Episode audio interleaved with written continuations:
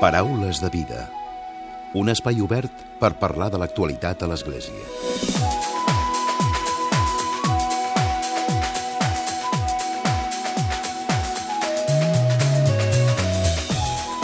Què tal? Salutacions i molt bon dia, molt bon diumenge. Les escoles salesianes de Catalunya, de Ciutadella, Huesca i Monzón han posat en marxa una campanya per tal de difondre, per donar a conèixer la seva aposta pel model de persona i el perfil competencial de sortida del seu alumnat.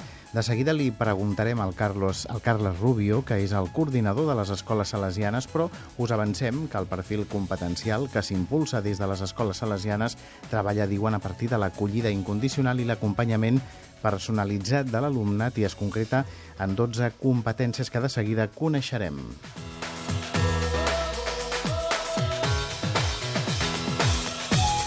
Ja fa uns dies que hem entrat en Quaresma, un temps de recolliment, de paregària i de vida interior que ens prepara per viure la Setmana Santa. Enguany, el papa Francesc fa una reflexió sobre l'error de donar molta importància als diners i a les coses materials. Avui en parlarem a la segona part del programa i ho farem amb en Joan Ubach, que és el delegat de litúrgia de l'Arcabisbat de Barcelona.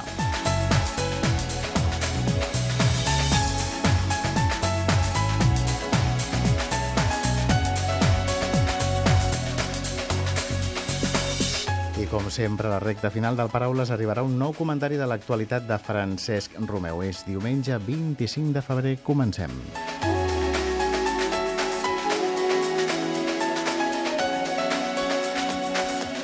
Paraules de vida. Carles, bon dia i benvingut al Paraules de Vida. Molt bon dia. Parlem de- d'aquest model d'ensenyament, d'aquest perfil competencial Mhm. dels alumnes de les escoles salesianes. Com és? Mhm. Bueno, a veure, nosaltres partim de, de ser fidels a, a l'esperit de, del nostre fundador, Sant Joan Bosco, no?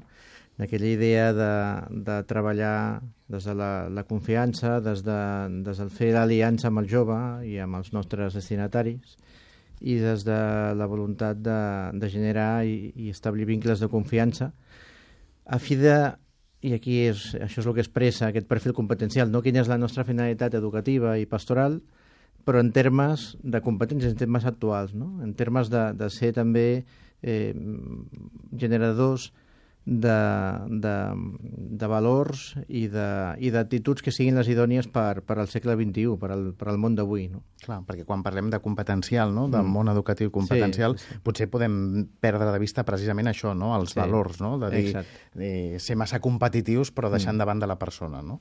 Efectivament, efectivament. És a dir, eh, el model de persona, el model que, que inspira les escoles salesianes, parteix sempre d'aquesta voluntat de que sigui una formació completa, no? una formació integral, que es deia abans, i que ara amb aquest perfil i amb aquestes 12 cares, que són 12 aspectes del que vol ser una, una persona orientada al nostre ideal, que en el fons és, és Jesucrist, no? I, i les competències a vegades poden quedar-se poden quedar-se curtes, no? perquè tot aquest tema de, de la interioritat, tota aquesta, aquesta qüestió d'apertura a la transcendència, tota la qüestió que va molt més enllà de no només capacitar per, al, per la societat i per, al, i per al món del treball, sinó fer persones, no?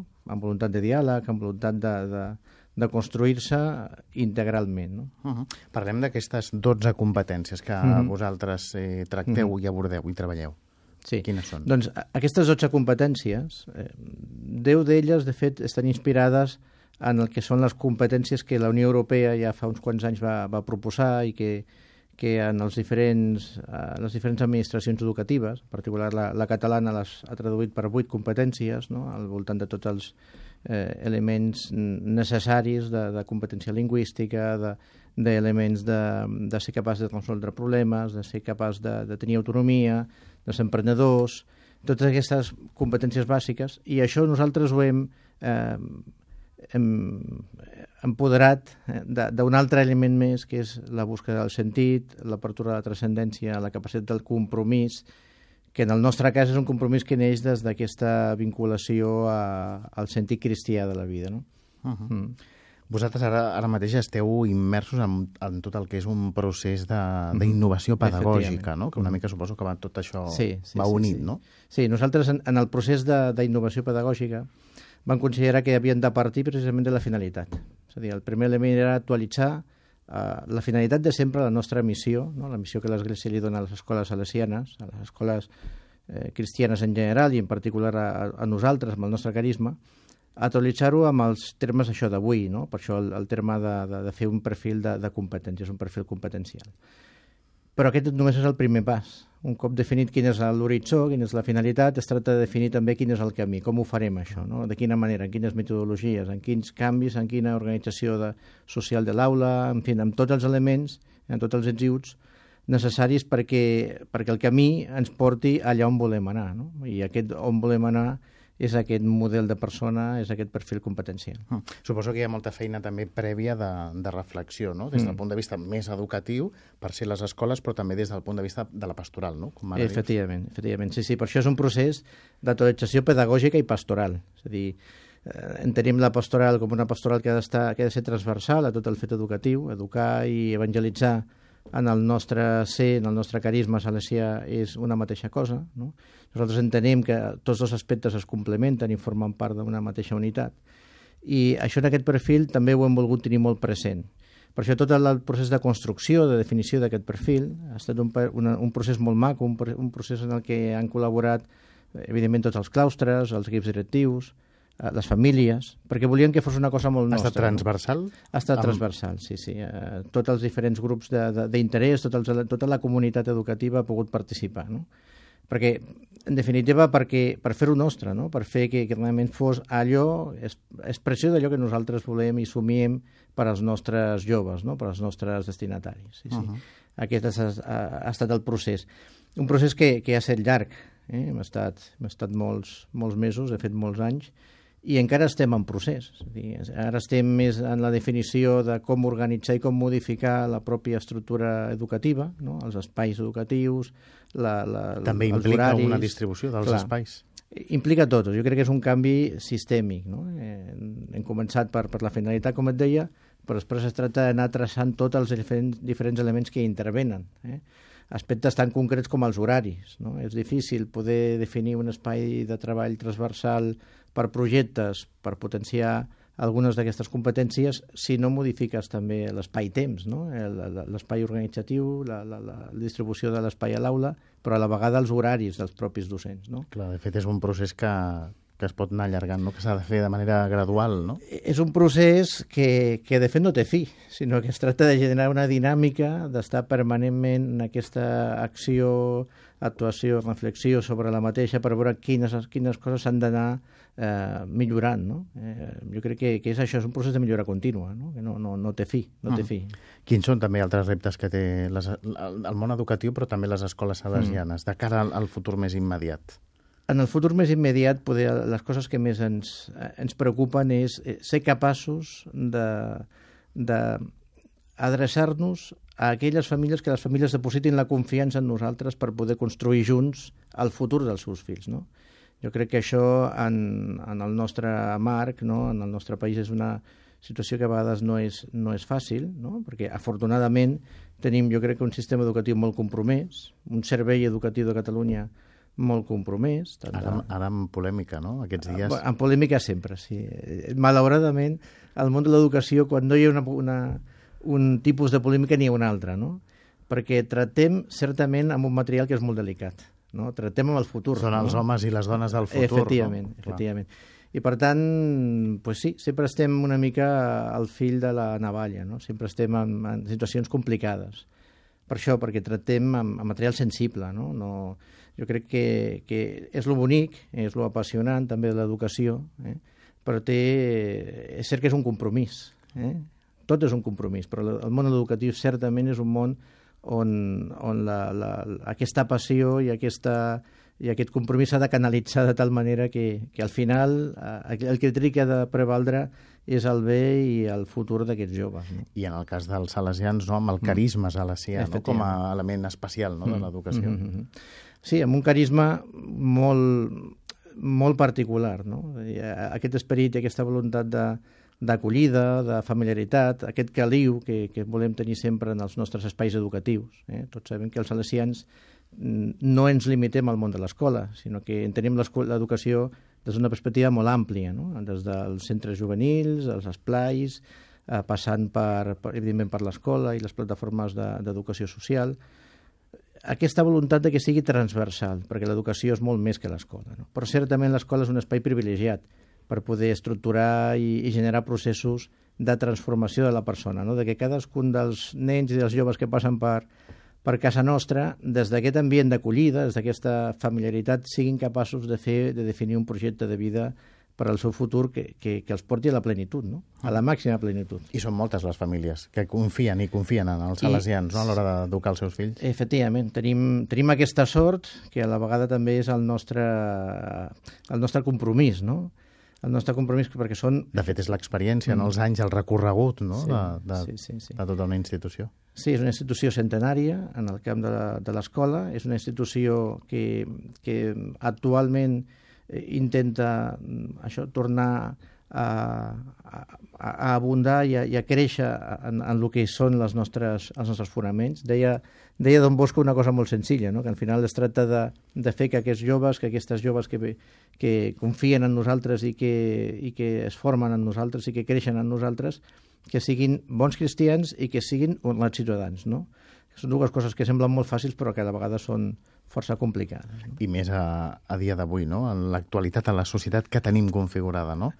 Sí, efectivament. efectivament. Avui no està de moda ni, ni la persona ni el diàleg, no? No està de moda el generar espais de, de tranquil·litat, de serenitat i de, i de poder en uns i altres ajudar-nos a créixer, no? Això no, no, no sé si ha set mai moda, però des de avui no ho és. No? Uh -huh. Sí, sí, amb els temps que corren. I vosaltres, eh, ja per acabar, Carles, heu volgut també, esteu donant a conèixer no? aquest perfil mm. competencial no? que s'està mm -hmm. implementant a les escoles. Sí, efectivament, efectivament. Cregut que era, és un bon moment eh, per, per llançar aquesta, aquesta campanya, per comunicar pues, això a la societat, no? el, el que nosaltres creiem, el que nosaltres pensem, i en definitiva aquest model de persona, no? donar a conèixer amb aquesta idea que ens va semblar que era molt atractiva també del, del dodecaedre, no? de, al final és una única unitat però que té diferents perspectives, perquè és que la vida, la vida és així, no? és polièdrica, és a dir, han, uh -huh. té diferents cares però totes elles han d'anar convergint en una mateixa línia, no? que és aquesta idea de, de, de que les persones, de que els nostres joves siguin feliços, no? I per nosaltres la felicitat vol dir fiar-ho tot en, en Jesucrist. No? És el més important.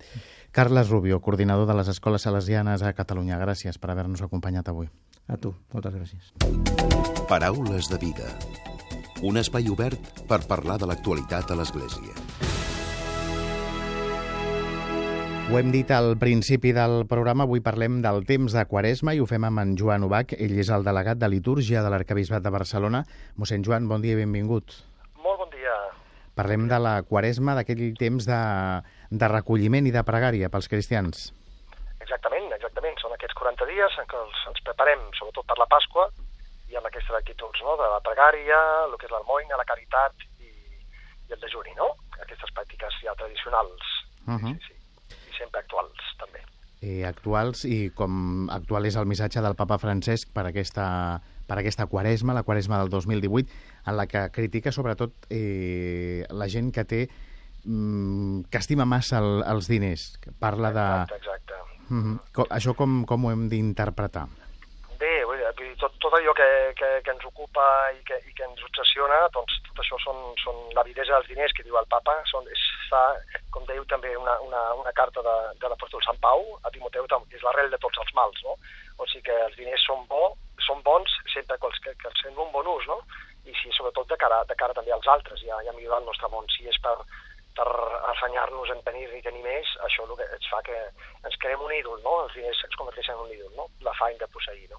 Uh -huh. Viure... I aleshores proveir-se d'això, que vol dir que és l'almoina, la, és la, és la caritat, el saber donar als altres, eh, que, que, que, sempre, sempre, tot allò que rebem no considerar-lo com un mèrit nostre, no? Si que el que tenim, doncs, donar gràcies per el que tenim i per, per, per, per tant poder-lo compartir, no?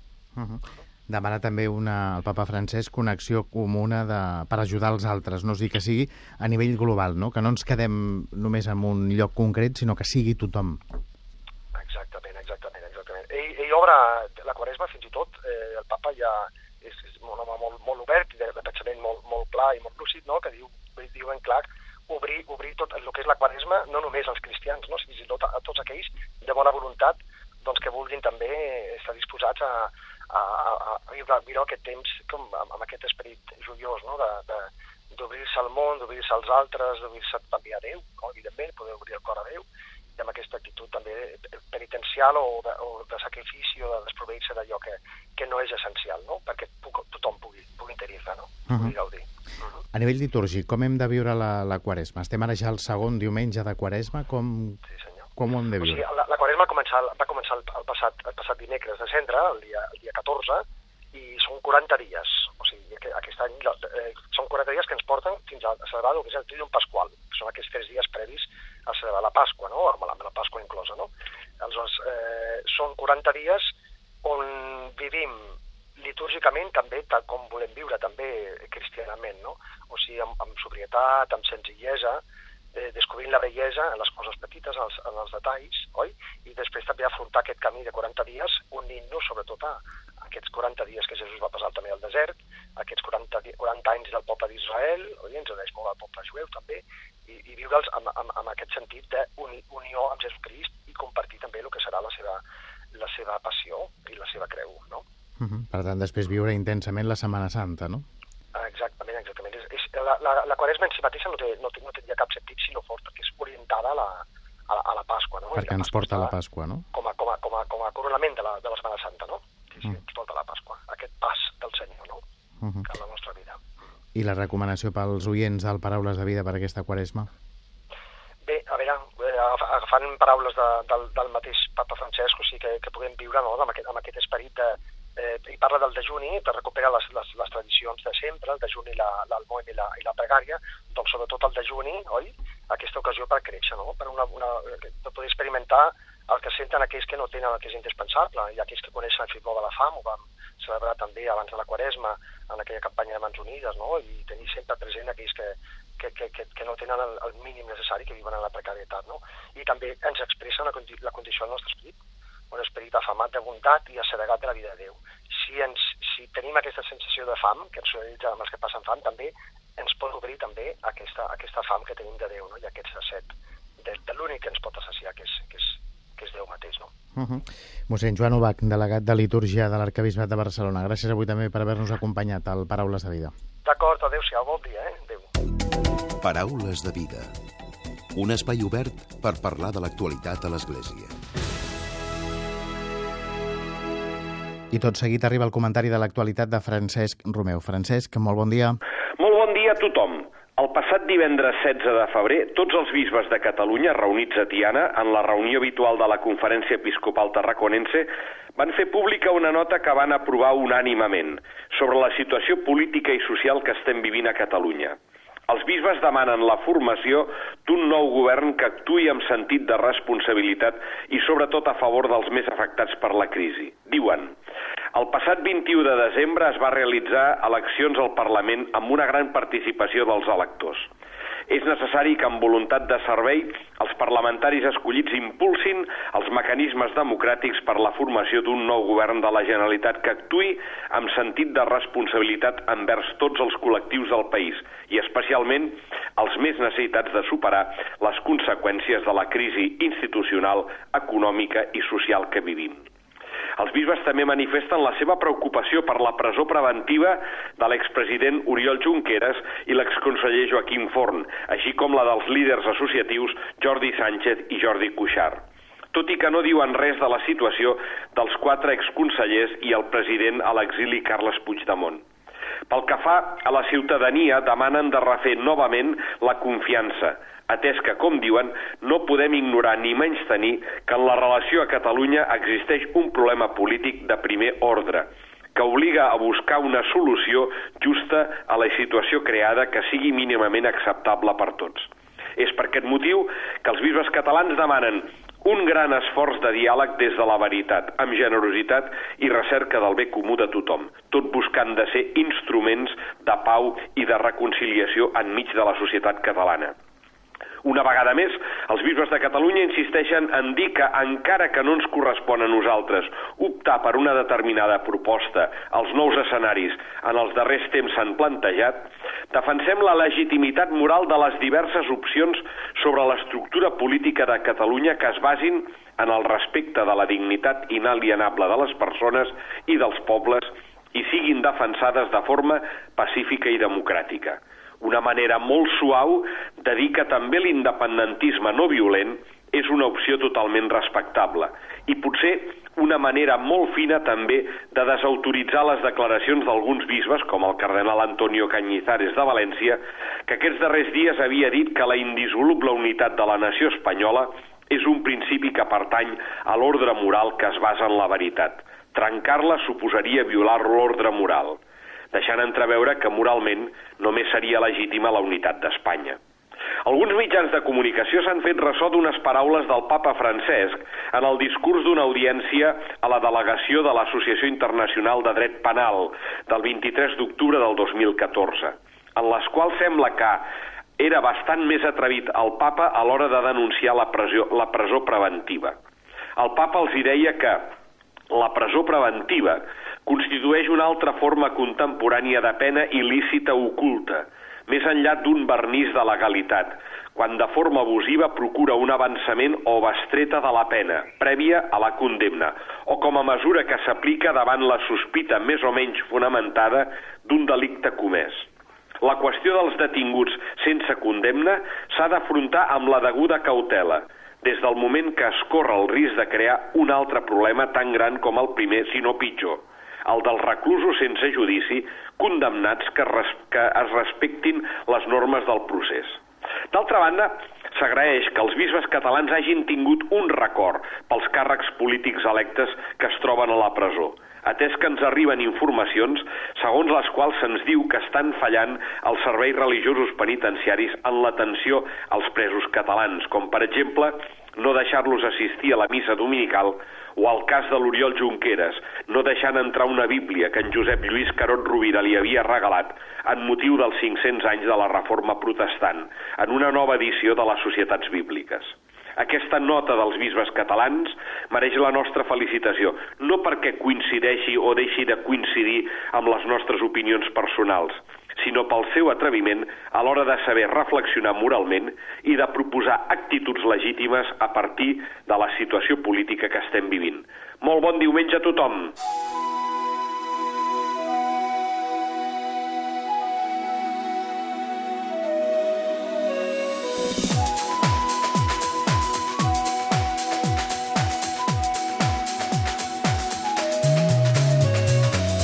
Fins aquí el Paraules de Vida d'aquesta setmana, d'aquest diumenge. L'Edu Arnàs ha estat el control tècnic i qui us ha parlat, l'Emili Pacheco. Que passeu bon diumenge i una molt bona setmana.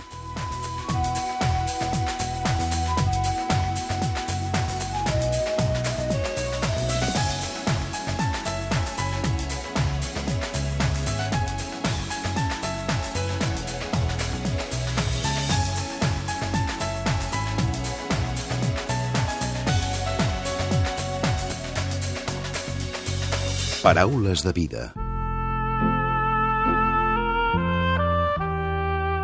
Us oferim la carta dominical de l'arcabisbe de Barcelona, Joan Josep Omella.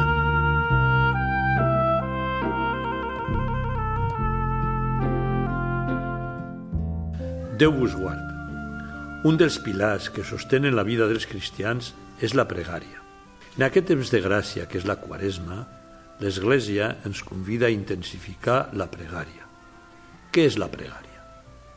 Santa Teresa de l'Infant Jesús ens diu que la pregària és un impuls del cor, una senzilla mirada cap al cel, un crit de reconeixement i d'amor, tant des de dins de la prova com des de dins de l'alegria. Mirada i crit d'amor, diu Santa Teresa. Només qui estima està en disposició d'entendre aquestes paraules de Santa Teresa. Qui ha descobert que Déu és amor i l'estima personalment, qui ha descobert que Déu s'interessa per tots els éssers que poblem la terra, tractarà de respondre a aquesta manifestació d'amor. I aquesta resposta d'amor es pot fer de diverses maneres, en forma de lluança, de petició, de pregunta, de queixa, i Déu escolta sempre el clam del seu pobre. Quines actituds hem de cuidar per pregar bé? En el diàleg personal amb Déu cal tenir cura de manera especial del silenci, tant de l'exterior com de l'interior. Vivim en una societat molt sorollosa. Nosaltres mateixos som molt sorollosos. Necessitem fer silenci. Silenci mentre som al temple, anem de passeig o mentre som en el nostre espai de pregària. Però necessitem fer sobretot silenci interior, fer callar les veus internes que ens fan estar excessivament pendents de nosaltres mateixos, de manera que puguem escoltar amb atenció i respecte la paraula de Déu que és viva i eficaç i que escalfa el cor com els deixebles de Maús. Un altre aspecte que hem de tenir en compte és la sinceritat. La incoherència, la duplicitat de cor, la impuresa, el maltracte als germans, l'abús i el rebuig als altres impedeixen la trobada amb el Déu d'amor, del perdó, de la fidelitat i de la santedat. En canvi, aquell criminal de l'Evangeli segons Lluc confessa amb sinceritat. I nosaltres la sofrim la pena, justament, perquè rebem el que mereixen els nostres actes. Aquest, en canvi, mirant a Jesús, diu, no ha fet res de mal. I deia, Jesús, recorda de mi quan arribes al teu regne. En aquest diàleg, en clima de veritat i de sinceritat, va poder escoltar la paraula alliberadora i salvadora de Jesús. En veritat t'ho dic, avui seràs amb mi al paradís un exemple ben bonic d'una pregària escoltada, la resposta de la qual va anar certament més enllà de que el criminal podia sospitar. Déu no es deixa guanyar mai en amor i en generositat. Durant aquesta quaresma intensifiquem el temps d'escolta personal i de diàleg amorós amb Déu, el nostre Pare, i deixem que sigui l'Esperit Sant qui guiï i acompanyi la nostra pregària, ja que el mateix Esperit intercedeix per nosaltres amb gemecs que no podem expressar.